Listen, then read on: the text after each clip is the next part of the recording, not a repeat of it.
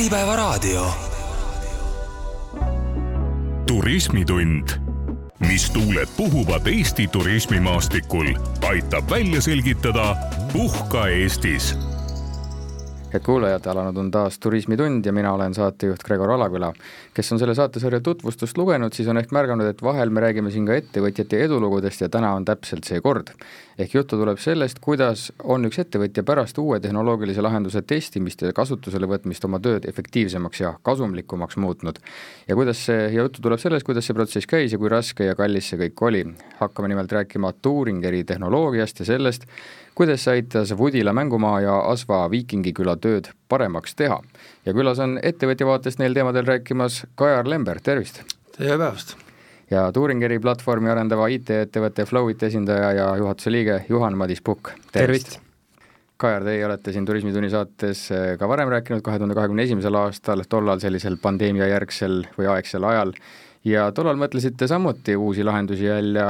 üheks suunaks oli siis see, et püüdsite ärimehi, ärikliente meelitada Pudila mängumaale nii-öelda siis seminare ja koosolekuid pidama. kuidas see projekt õnnestus? Eks ju algusest alustada, siis tõepoolest see kaks aastat tagasi, ega mi-, mingis mõttes me olemegi sellesama mõttega, mida me tookord laual mõtlesime, ka täna tegelikult Turingeri juures, sest et Udilal kui niisugusel ei olnud tol ajal veel oma majutust ja, ja selliste sündmuste ja, ja ütleme, firmaürituste korraldamise võimekust, aga, aga viimase kahe aastaga me olemegi tegelikult seda välja arendanud. Ja selles mõttes on noh,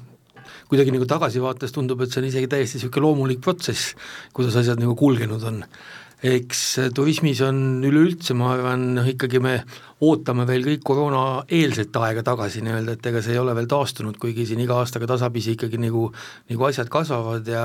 ja, ja Woodil ongi, noh miks me neid uuendusi teeme või miks me üldse neid, neid nagu nišše laiendame, on ju tegelikult ikkagi see, et et meie suvi on nii selles mõttes kaootilise ilmaga ja, ja kui ikkagi selline veepark on väga sul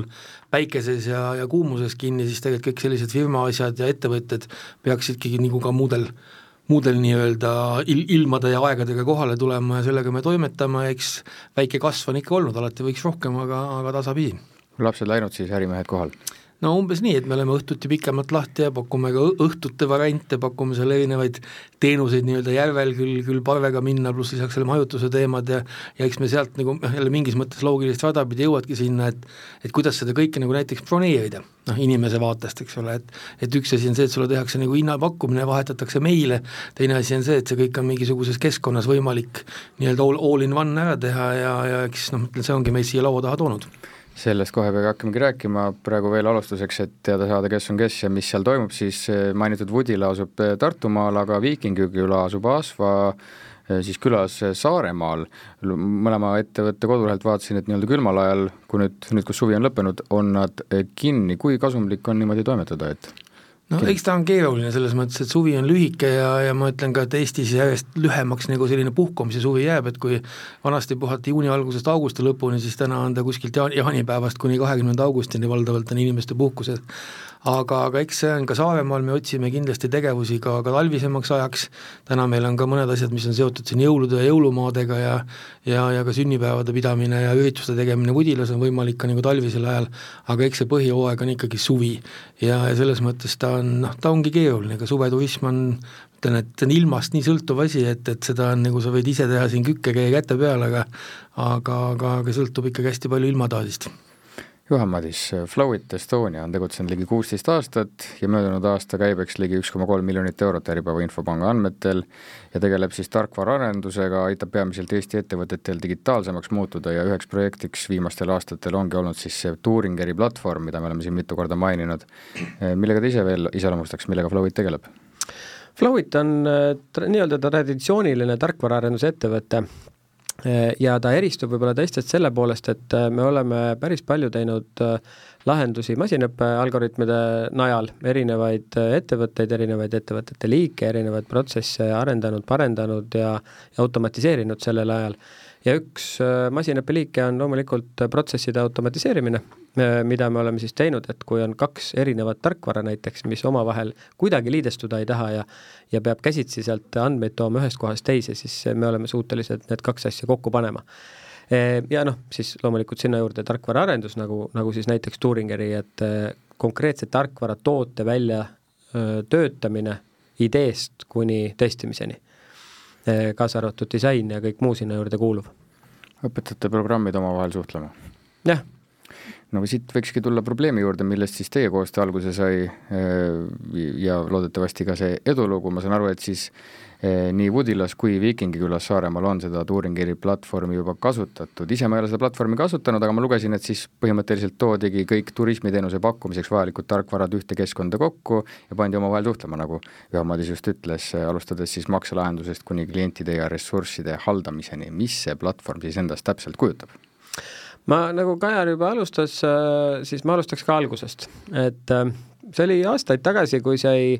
mina käisin turismikonverentsil äh, äh, sellel suurel, mis Eestis toimub, mind kutsuti sinna rääkima, et ma juhtumisi olin ITL-i president sel ajal ja ja, ja sai räägitud digitaliseerimisest, ega ma turismist sel ajal suurt midagi ei teadnud. Ja rääkisin sellest, mida ma näen, et on, võiks olla paremini. Ja, ja, ja sellest mõttelennust hoogustunu, hoogustatuna said ka osad turismiettevõtjaid aru, et seda äh, seda probleemi on vaja lahendada ja mina IT-ettevõtjana äh, näen asju ikkagi andmetes, äh, et kust tulevad andmed, äh, kus mingi informatsioon on ja kuidas seda kuvada. ja probleem oli nimelt selles, eks ole, et ma saan küll majutust tihtilugu broneerida läbi booking.com'i, mis on hästi populaarne. Ja neid teenusepakkujaid on veel aga teenustega on hoopis teine lugu, ehk siis teenuseid reaalajas osta ja broneerida tihtilugu ei ole võimalik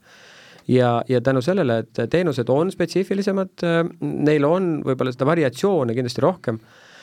ja siis sai alguse idee, et teeks ära lahenduse, mis tegelikult aitab päriselt ka turismiettevõtjaid ja, ja me lähtume selle, selle arenduse algusest peale tegelikult nii-öelda kogukondlikul ja, ja piirkondlikul koostööl.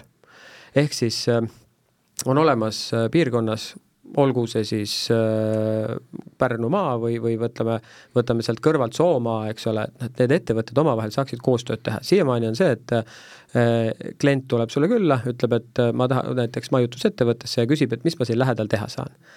aga Turingeri on lahendus, kus äh,,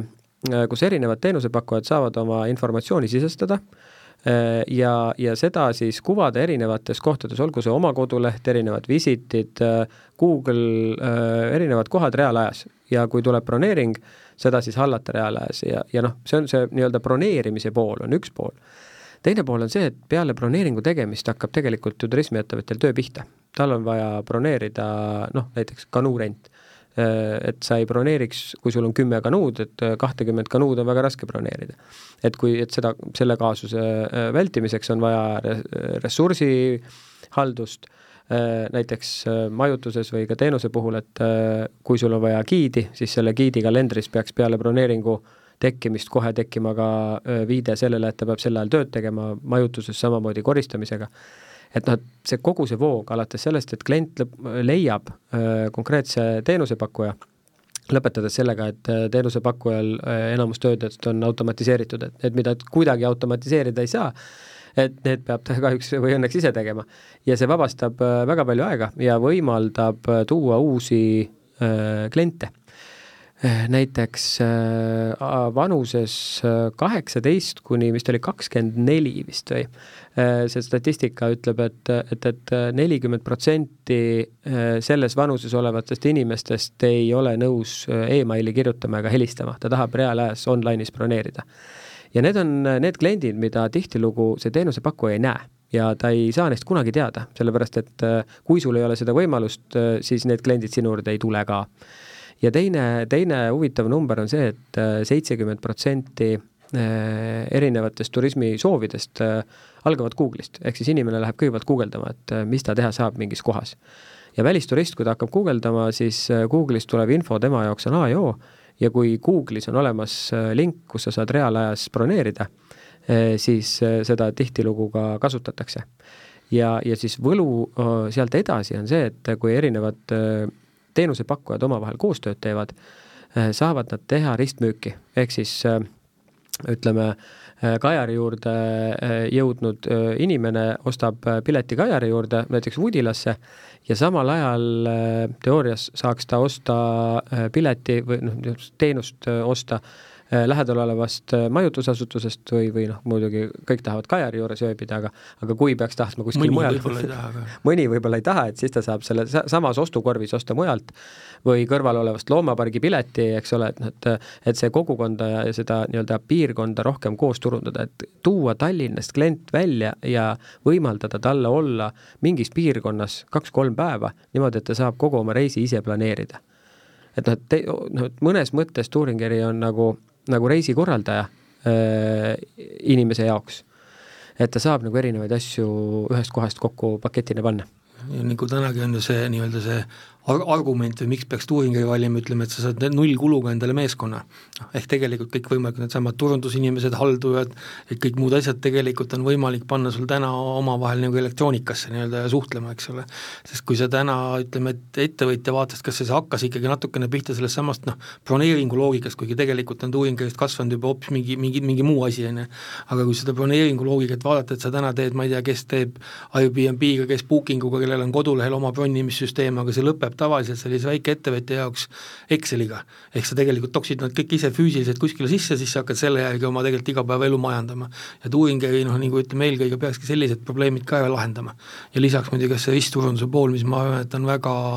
noh, väga oluline teema ja mida tõesti tegelikult ju nagu ei pakugi keegi, on ju. ja teine asi, mis on see andmete nii-öelda on noh, siis reaalajas hoidmise poole kindlasti ka, et meil on ju ka Visit Estoniad, maakondlikud kodulehed, oma kodulehed, asjad, et sa pead igal pool tegelikult neid andmeid nii-öelda eraldi kogu aeg nagu uuendama, värskendama ja ja nagu ma ei tea, vist Juhan enda lause, et et kui viies kohas andmed on, siis on fakt, et ühes kohas on nad valesti, eks ole. et, et noh, see, see võiks olla ka nagu üks pool, et kui nad on Turingerisse juba sisestatud ja seal on kõik andmed õiged ja, ja seal saab ka lihtsalt muuta, siis tegelikult automaatmuutmine on ka igal pool mujal. ja see, see on see tee tegelikult, kuhu liigutakse ja see on, see on hea näide, mis sa tõid Visit Estonia, eh, kus meeskond teeb eh, super head tööd, turundab eh, seda saiti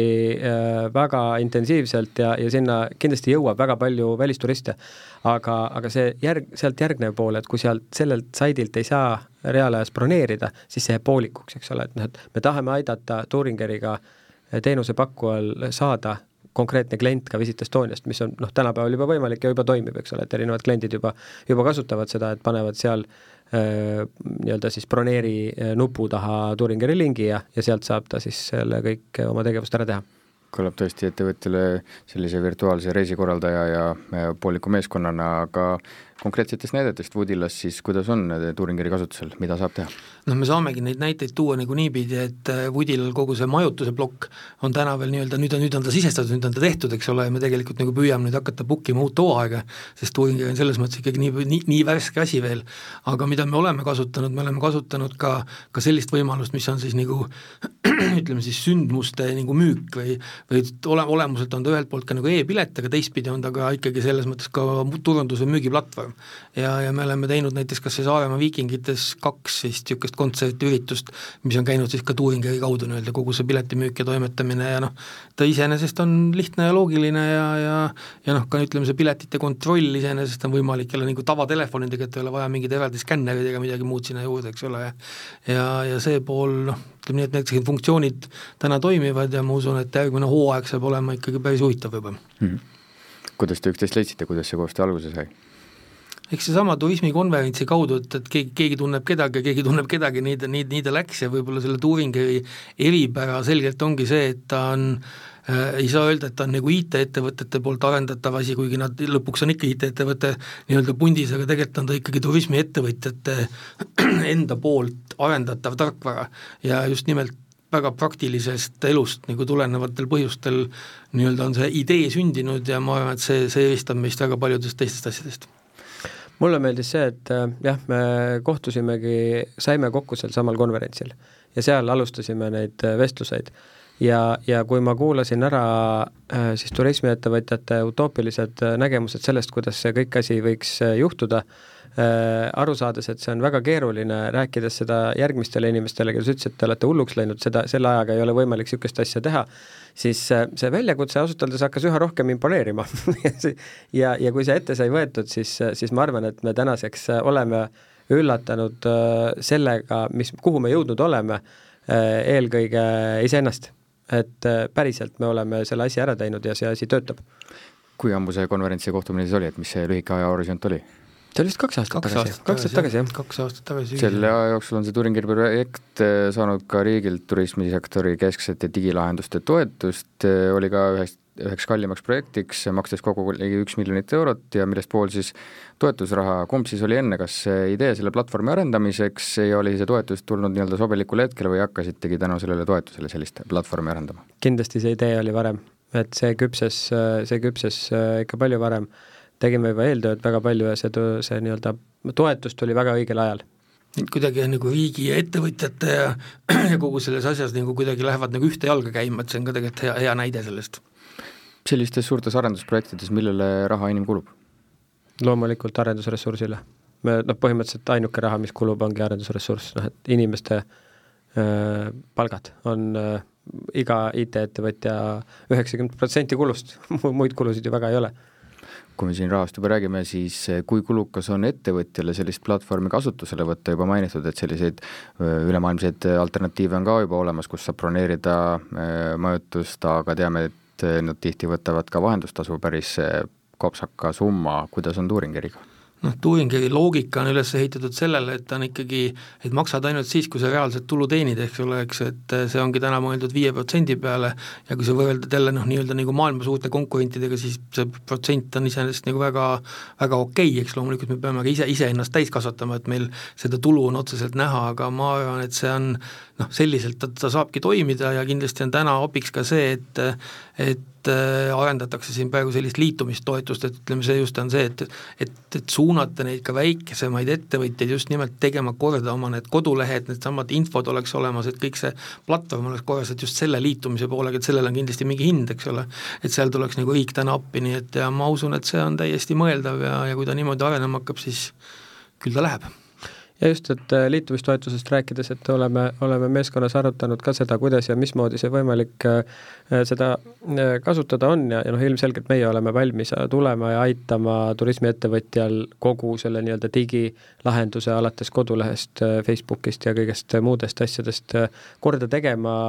kaasajastama ja viima sinna, kus tal ka andmed on sees ja, ja, ja turismiettevõtja saab lihtsalt rahulikult teha seda, mida ta tegelikult teha tahab, ehk siis teenust pakkuda. Jah, tõesti selle liitumisega tõesti kaasneb see, et noh, paljudel on ikkagi see, see on ka näiteks Visiti probleem täna olnud, et noh, kliendid või, või ütleme, ettevõtjad ei saa ise tehtud äh, selliseid profipilte kas või eks ole, mis on elementaarne ikkagi, mis hakkab, kui videod, pildid hakkab pihta, et vot seda kõike saaks nagu ka pakkuda, et need andmed oleks ühtlased ja need andmed oleks tegelikult nagu viksid ja viisakad, nii et ma usun, et see kõik on, on võimalik nendest vastustest ja Juhani kirjeldustest kõlabki välja see, et kõige enim kasu võikski olla sellisel väiksel turismiettevõtjal, kellel on seda ressurssi vähe nii turundusele kui haldusele.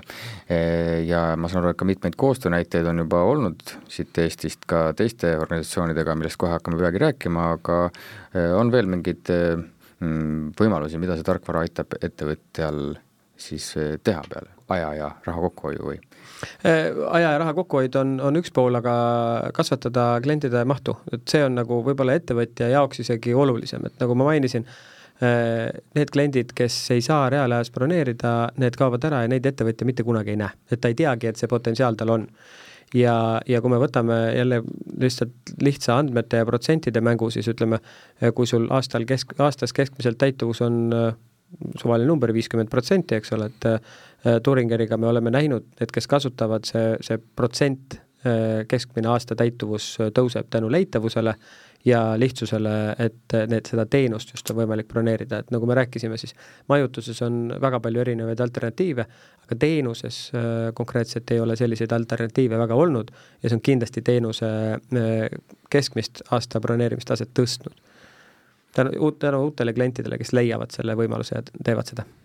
Nii et Kajar, teie juurde jõudsid eh, need inimesed, kes ei soovi emaili saata juba sel suvel? no ma usun küll, et ega, ega me lõpuks ei tea, kes neist tahtis meili saata, kes mitte, aga iseenesest see trend on ju vaieldamatu, seal ei ole midagi vaielda, see liigub sinna, et ma näen ju seda kas või enda, enda laste pealt, eks ole, kus noh, tõesti see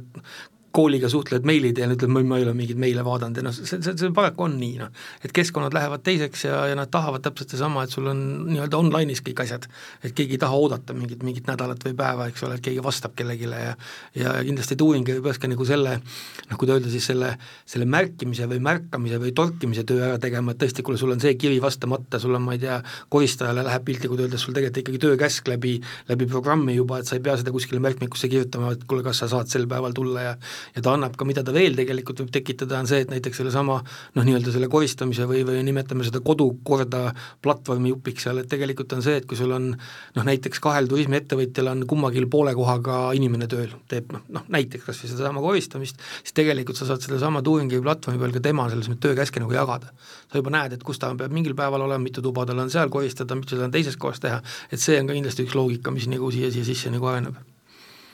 ja üks põnev asi, mida, mida, mis tuli nagu lihtsalt ühest jutuajamisest, on niisugune asi nagu rahapurk. Äh, kõlab intrigeerivalt, rahapurk on rahapurk, ehk siis koht, kuhu raha panna. Äh, näide, kuidas turismitaludes näiteks kasutatakse, kui äh, Kajar, sinu juures ju ka on, kui on paadid rendis et õhtul on paadid järve ääres ja paatide juures on QR kood inimene tuleb, skaneerib QR koodi ja saab sellega, saab broneerida paadi, saab ära maksta, lepingu kinnitada ja, ja minna paadiga vee peale, ilma et ta oleks kunagi ühtegi inimest näinud et selliseid võimalusi kasutatakse päris palju ja noh, olgu see siis külmkapp keset mit-, midagi, et, et inimene ei pea selle üheeurose vee pärast tulema ja seda müüma, vaid seda on võimalik müüa ükstaspuha kus. see siis käib natuke aususe peale no eks ta käib aususe peale, teistpidi on ka see, et meil on kindlasti ka palju selliseid väikeettevõtteid, kes mitte nagu ma ütleks isegi pahatahtlikult, aga kellel ei ole seda võimekust, et sul näiteks on terminal koha peal olemas, et sul on mingid maksevõimalused, asjad, eks noh, mööname, et seal ongi, asja, asjad liiguvad teistmoodi, aga ma arvan, et uuring võiks ka selles mõttes olla väga huvitav platvorm, et ka need andmed tulevad online'i nii-öelda, ju. Mhm selle poole lõpetuseks üks tehniline küsimus, kas Tuuringer on ainult selline nii-öelda tagatoaplatvorm, et ta on ettevõtjale abiks või on ettevõtja või nii-öelda kliendi jaoks siis käibki see broneerimine läbi mingi Tuuringeri äh, kodulehe või äpi? Äh, Tuuringeril äh, ei ole äppi ja, ja Tuuringeri ei taha kindlasti äh, minna sinna, kus ta teeb oma marketplace'i nii-öelda, et tulge äh, kõik, tulge meie juurde ja tulge kasutage meie kodulehte selleks, et broneerida. seda me teha ei plaani Äh, meie kodulehed on äh, Google Visitid, äh, ettevõtjate kodulehed ise, kuna meie loogika on see, et kui sa oled sisestanud oma teenuse või toote või siis majutuse andmed, genereerub sellest siis nii QR kood kui ka siis see nii-öelda internetis kuvatav URL kood, mille sa saad siis panna ükstaspuha kuhu kodulehele või, või veebilehele. Äh, ülesse. Ja, ja sellepärast me ei näe mingit põhjust, äh, miks me peaksime oma kodulehte väga tegema, vaid jah, meie näeme, et meie kõige suurem koduleht on kindlasti Google, kellega meil on koostöö olemas äh, nii-öelda peakontori tasemel ja nendega koos me tõenäoliselt tuleme välja väga põnevate asjadega, millest on veel vara rääkida räägime teises pooles natuke tulevikuplaanidest ja veel mõnest põnevast asjast. Eh, lubasime, et räägime teistest koostöönäidetest, eh, Woodila ja Vikingikülaga juba, näidetest juba rääkisime, aga Turingeril on veel mitmeid eh, koostööprojekte olnud, ma tean, et ka näiteks Maaturismi Ühingu sauna-aasta projektiga on mingit koostööd olnud. jaa, sauna-aasta on üks vahva asi, mulle saunas meeldib käia. Ja, ja saun on, on eestlasele sihuke omane asi ja ja äh, sauna äh, selle aasta äh, loogika saigi selles, sealt sai alguse loogika, et äh, pileteid müüa. mõte oli selles, et on kuskil Eestis olemas suitsusaun ja peremees mõtleb, et kütab selle täna õhtul soojaks ehk siis noh, ta ei küta seda õhtul, hommikul hakkab kütma siis õhtuks jõuab sauna. aga tal on võimalus kutsuda sinna inimesi ja müüa sinna nii-öelda pileteid. sellist võimalust varem ei ole olnud ja, ja selle me siis lõimegi Turingeri platvormi, et äh, kui sa plaanid kütta sauna, pane see informatsioon üles ja müü sinna pileteid. Ja kui sinna ostetakse näiteks üks päev enne äh, sauna kütmise algust äh, teatud hulk pileteid, siis sa paned kütte, kui ei osteta, siis äh, ei pane kütte ja ja nii-öelda broneeringud tühistatakse automaatselt ja makstakse raha tagasi ja, ja, ja selle projektiga äh, ma arvan, et see, see on niisugune natukene hoogu saanud, äh, võib-olla ta ei olnud äh, liiga edukas, aga, aga neid erinevaid sündmuseid, mida me planeerime sama loogika alusel, on mitmeid, ehk siis need saunamaratonid, kus erinevad saunad saavad müüa oma pileteid, aga samas saavad müüa ka koos pileteid, eks ole, et neid saab valideerida ja nii edasi, et et sealt annab hästi palju erinevaid huvitavaid uusi teenuseid välja töötada ja mõelda et ma selle projekti võib-olla kõige suurem tulem oligi tegelikult tänase Turingi vaates see, et et tekkis hästi palju küsimusi, millele tegelikult on noh, tänaseks leitud ka lahendused ja vastused, aga, aga ma arvan, et kui seda peaks nagu nüüd uuesti ühel hetkel kordama, siis, siis oleme me juba väga oluliselt rohkem valmis selleks. Ja tõesti kõik need asjad, mida Juhan kirjeldas, tegelikult ju, ju nii ongi, et et me saame noh, tõesti väga erinevaid asju panna ühte kohta nii-öelda üksteist nagu ka vastakuti nagu müüma, et seesama ristturundusel, eks ole, et et sa ei tule vahest selle peale ka, mis teenuseid su naabrite juures kuskil pakutakse, eks ole, aga aga see pakuks nagu niisuguse hea lihtsa lahenduse. ja see sauna loogikas seal oli veel see, et kui näiteks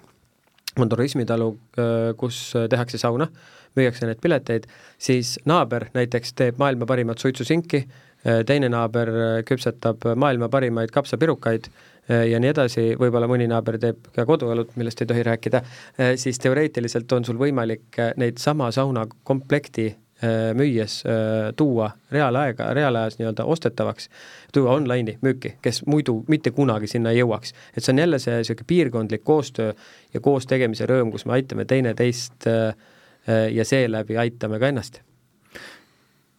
aga veel teisi näiteid, kus te olete ettevõtjatele abiks olnud, mingid huvitavad mured, mille, millega teie poole on veel pöördutud? üks teema, mis on võib-olla tegelikult ka, mis, mis on tegelikult väga oluline teema, on see, on see raamatupidamise pool. Et tegelikult me näeme ka seda, et, et uuringi võiks ära lahendada ka, ka koostöös siin CHK Consult on niisugune ettevõte, kes arendab ka oma raamatupidamistarkvara ja, ja täna see integreerimise protsess ka tegelikult juba tasapisi käib, aga mõte oleks ka tõesti selles, et sul oleks noh, sisuliselt automaatselt ka raamatupidamine tekitatav. ja see, see ei ole ka tänasel päeval enam üldse mingi raketiteadus, eks ole, kõik see, mis käib läbi Turingeri, see kõik on sul tegelikult ka ametlikes andmetes olemas ja tõenäoliselt on see ka ikkagi kokkuhoiukoht jah, et äh, palju on küsitud muidugi seda, et kui ma sularahas müün, on ju noh, ikka küsitakse reaalselt inimesed, osad käivadki veel sularaha taskus.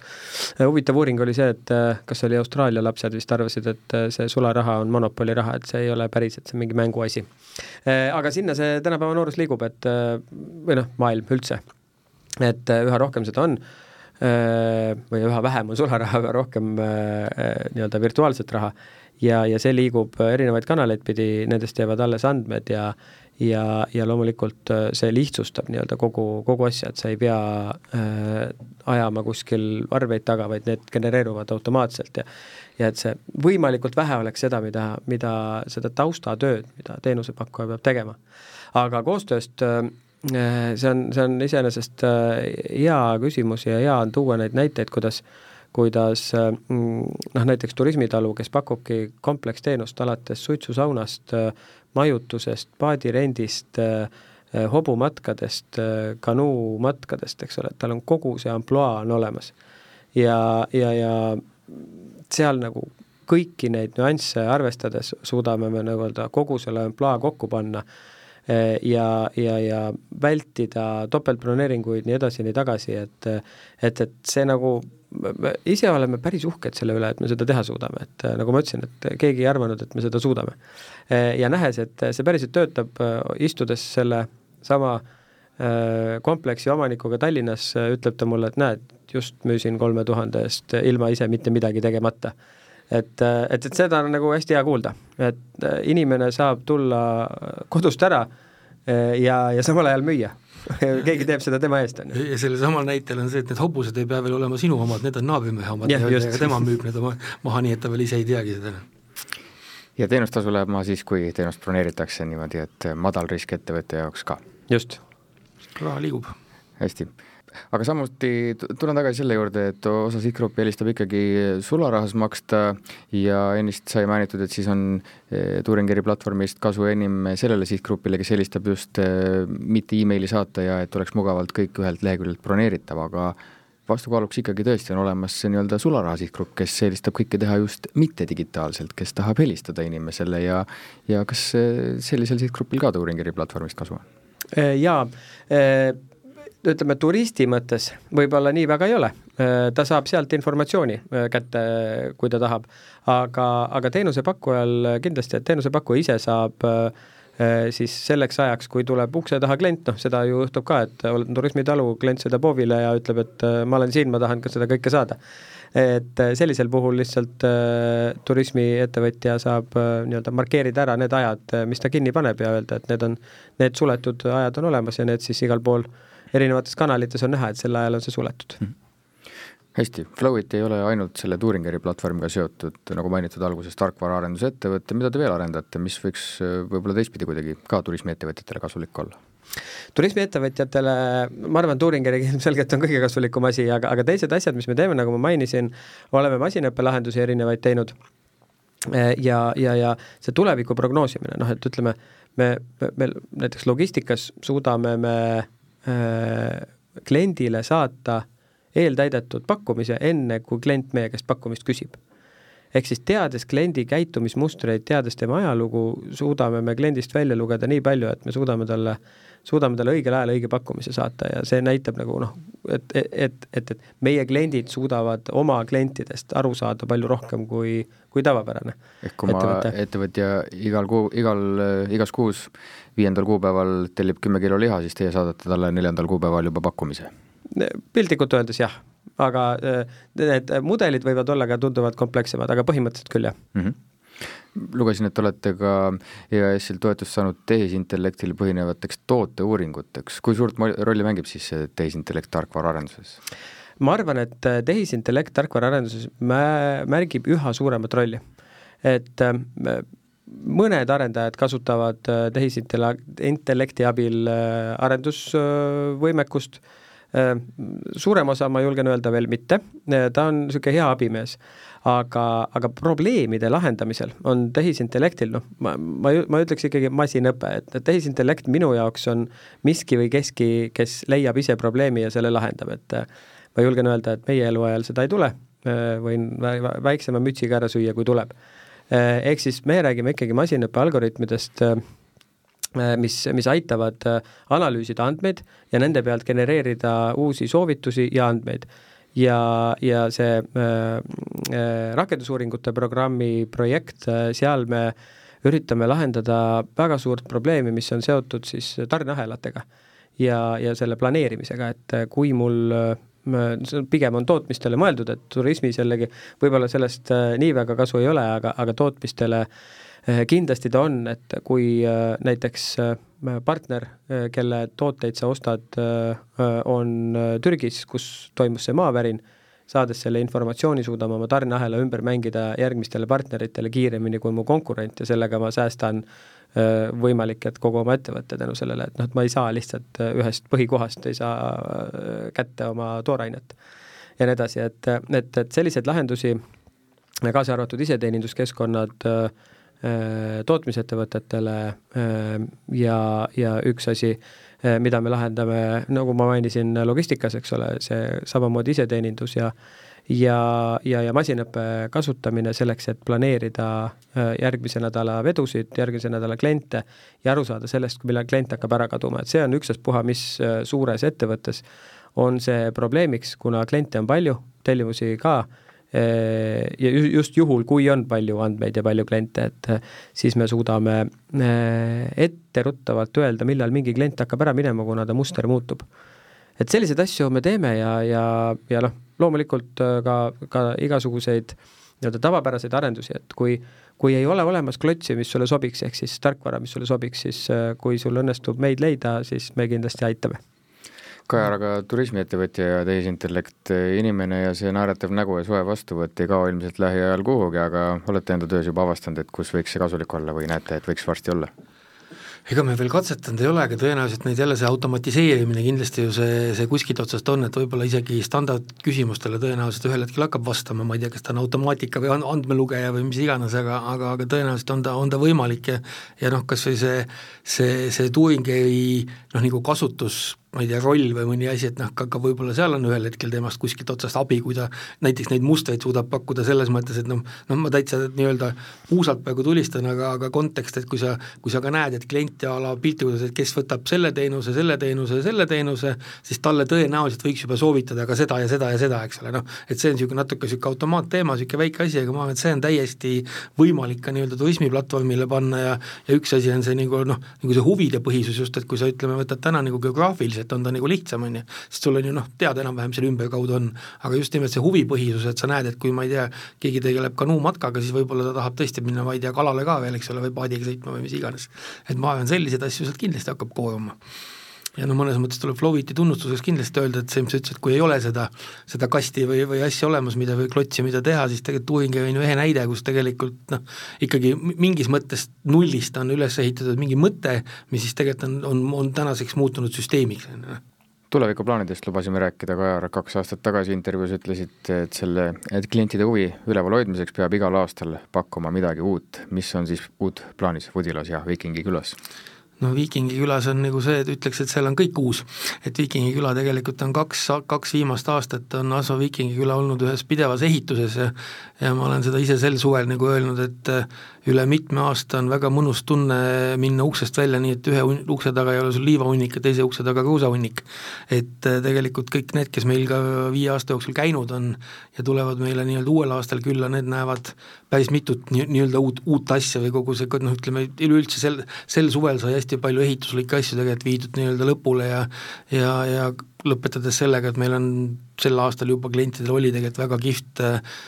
sisuline näitus kogu sellest Asva pronksiajastu loost, eks ole, lisaks üks film, mis äh, näitab seda, miks me seal üldse asume ja mis sealt, mis need leiud on ja ja mis on nagu selle Asva loo nagu sisuline väärtus, et see on kõik täna nii-öelda ka klientidel nii-öelda näha ja ja katsuda ja vaadata ja kindlasti me järgmiseks suveks tahame tuua õue peale tegevusi juurde ja kindlasti ka rahvusvahelistumine on võib-olla üks asi, mille, mille suunas me liigume, et, et me tahame kindlasti jätkata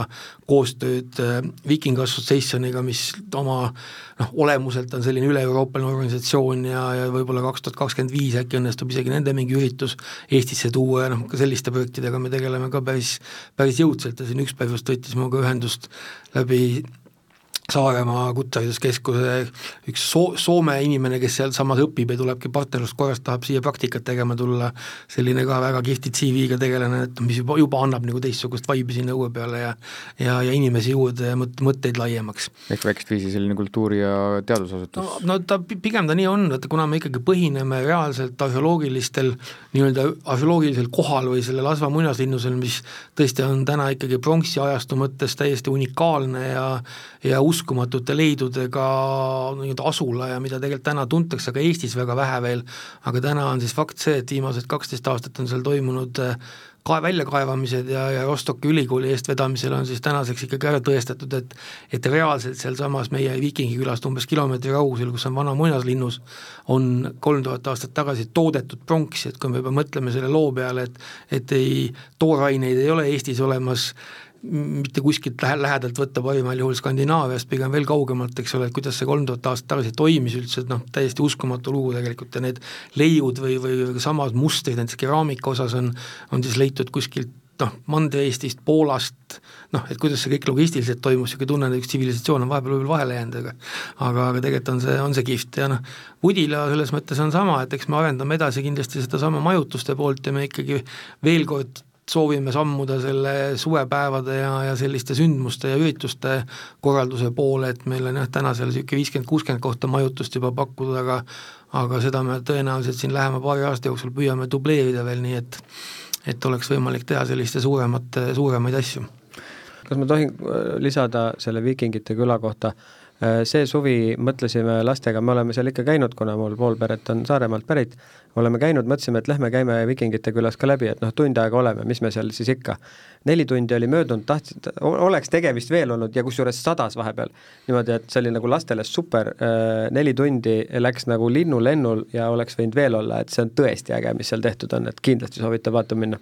suurem osa ettevõtete jaoks, turismiettevõtete jaoks on äh, juba alanud selline madalhooaeg kuidas te tunnetate praegu turgu vaadates või möödunud suvele tagasi vaadates, et milline see siseturistide või üldse inimeste kindlustunne oli, et kas pandi lõbustused pausile? Äh, kuskilt otsast tuleb tõdeda, et, et see kindlasti oli hästi erinev ja minu meelest kõik selliste sündmuste ja ürituste puhul toimis jätkuvalt suhteliselt hästi, aga niisugune lihtsalt nii-öelda ringi käiv pereturiste oli noh,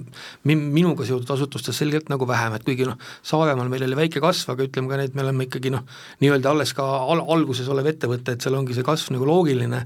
aga noh, Udilat kindlasti mõjutab hästi palju see, et näiteks meile tundub küll tagantjärgi vaadates, tegelikult oli päris kihvt ja pikk ja ilus ja soe suvi, aga tegelikult juulikuu oli külm sel aastal. Ja, ja kohe täiesti külm. ja, ja see on, Woodile jaoks on see nagu ütleme, katastroofiline, kui juulikuus ei ole kakskümmend viis pluss kraadi ilma väljas, nii et selles mõttes oli väga keeruline suvi, meil on olnud noh, ikka, ikka on, ongi väga raske ka nii-öelda seda talve üle elada, et midagi, midagi noh, nii-öelda arendada ja teha, et, et see tegelikult on, on keeruline aga, aga teistpidi jälle on see, et, et et meil on hea meel, et näiteks Lätlast on, ma arvan, päris palju tulnud noh, nii-öelda ma ei tea, kas tagasi või, või Lätlast ikkagi liigub ja ta on täna ikkagi see, kes ma ütleks, et päästab päeva päris paljudes kohtades ja paljudes turismiasutustes. aga kui tulla selle nagu majandusliku olukorra poole, siis ma olen seda seda kõige paremini iseloomustanud sellise, sellise mõttelennuga, et kui kui veel eelmisel suvel tuli selline keskmine Eesti pere nii, nii, nii-öelda näiteks Udilasse ja, ja sõi, sõi forelli ja püüdis forelli ja, ja pani noh, ütleme, et ole, olemuslikult tegelikult ikkagi selles mõttes suhteliselt selline kalli, kallis toit, eks ole, ja ja aga, aga seda ikkagi kasutati päris aktiivselt, siis sel aastal seesama pere tuleb piltlikult öeldes poekotiga ja läheb piknikule. noh, et selles mõttes on täiesti silmaga näha, et inimesed Äh, noh, hoiavad kokku ja, ja vaatavad ikkagi, mis toimub ja noh, kui praegu vaadata kogu seda tulevikutrendi, siis ausalt öeldes kaks tuhat kakskümmend neli aasta kontekstis küll liiga palju optimismi ei ole, et ma küll olen üdi, üdini optimist ja tahaks, et kõik asjad arenevad, aga aga, aga praegust on ikkagi, ma usun, et päris, päris keeruline võib tulla see suvi, jah. optimismi ei ole, aga kas ongi sellisel raskel ajal siis äriarenduste investeeringute jaoks pigem hea või halba aeg? pigem on ikka hea, et, et mina olen ka, nagu sa ennem meenutasid just meie viimast vestlust kaks aastat tagasi, et see oli ju täis koroona harjal nii-öelda ja, ja ma arvan, et see oli super aeg ühelt poolt asjade tegemiseks ja ja samamoodi ka, ka täna ikkagi Saaremaal, et me oleme noh, noh, ütleme sõltumata ajast, et kui sul on ikkagi see, see idee või mingi mõte peas, eks sa peadki mõtlema, kuidas sa selle ellu viid ja ja, ja loomulikult, et sa, me sattusime ka oma ehitustega nii-öelda hindade kallinemise hüppesse täielikult sisse, eks ole, ja see tegi seal asju keerulisemaks, aga aga noh, see, sellest ei tohi lasta ennast segada, nii et ega see on sama, et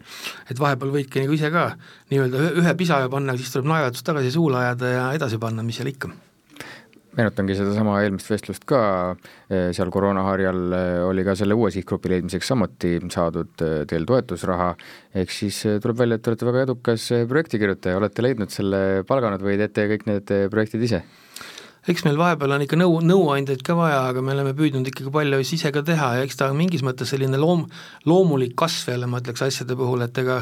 et ma naeran, et Sa-, Saaremaal meil on õue peale ühed sõbrad kinkisid nii-öelda sildi, et siin võib vabalt ringi vaadata, et siin ei ole kasutatud euroraha, on ju. siin peab nat-, natukene peab sõnu sööma, et me nüüd oma näituste ja kõikide siseasjade jaoks oleme seda jälle kasutanud nii-öelda ja